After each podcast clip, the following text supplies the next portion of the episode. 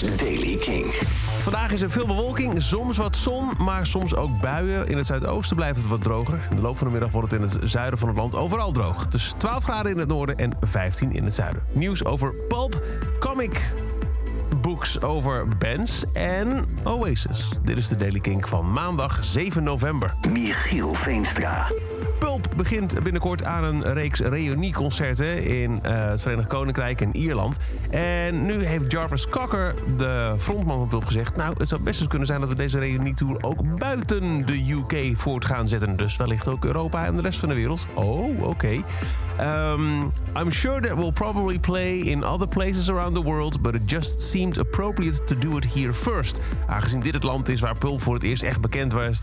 Uh, we de meeste platen hebben verkocht en uh, ja, waar de waarbij ook de meeste mensen kennen. Dus eerst de UK en Ireland, maar als ik dit zo hoor, kunnen we binnenkort ook aankondigingen verwachten voor Pulp in Europa. Zin in!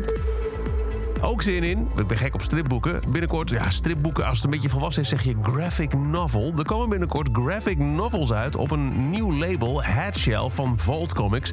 Waar beloofd is dat er binnenkort ook boeken komen over de geschiedenis en het oeuvre van uh, Fallout Boy, Metallica en The Beach Boys, to name but a few. Uh, wanneer ze allemaal precies uitkomen, dat is niet helemaal bekend. Metallica waarschijnlijk in 2023. Ook Def Leppard krijgt een eigen uh, comic book.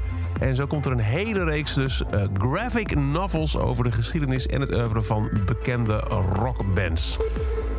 En dan Noel Gallagher schreef ooit Wonderwall, gewoon echt met de hand op papier. En die handgeschreven teksten zijn afgelopen weekend op een veiling onder de hamer gegaan voor 52.000 euro. Uh, ze zijn halverwege de jaren 90 geschreven. Uh, om uh, Gallagher te helpen tijdens repetities. En zijn altijd bewaard gebleven door een van de roadies van de band.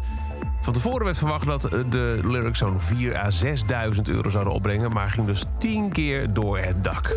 Tot zover deze editie van The Daily Kink. Elke dag een paar minuten bij met het laatste muzieknieuws en nieuwe releases.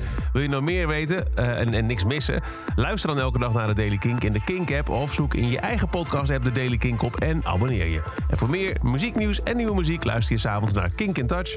Elke dag het laatste muzieknieuws en de belangrijkste releases in The Daily Kink. Check hem op kink.nl of vraag om Daily Kink aan je smart speaker.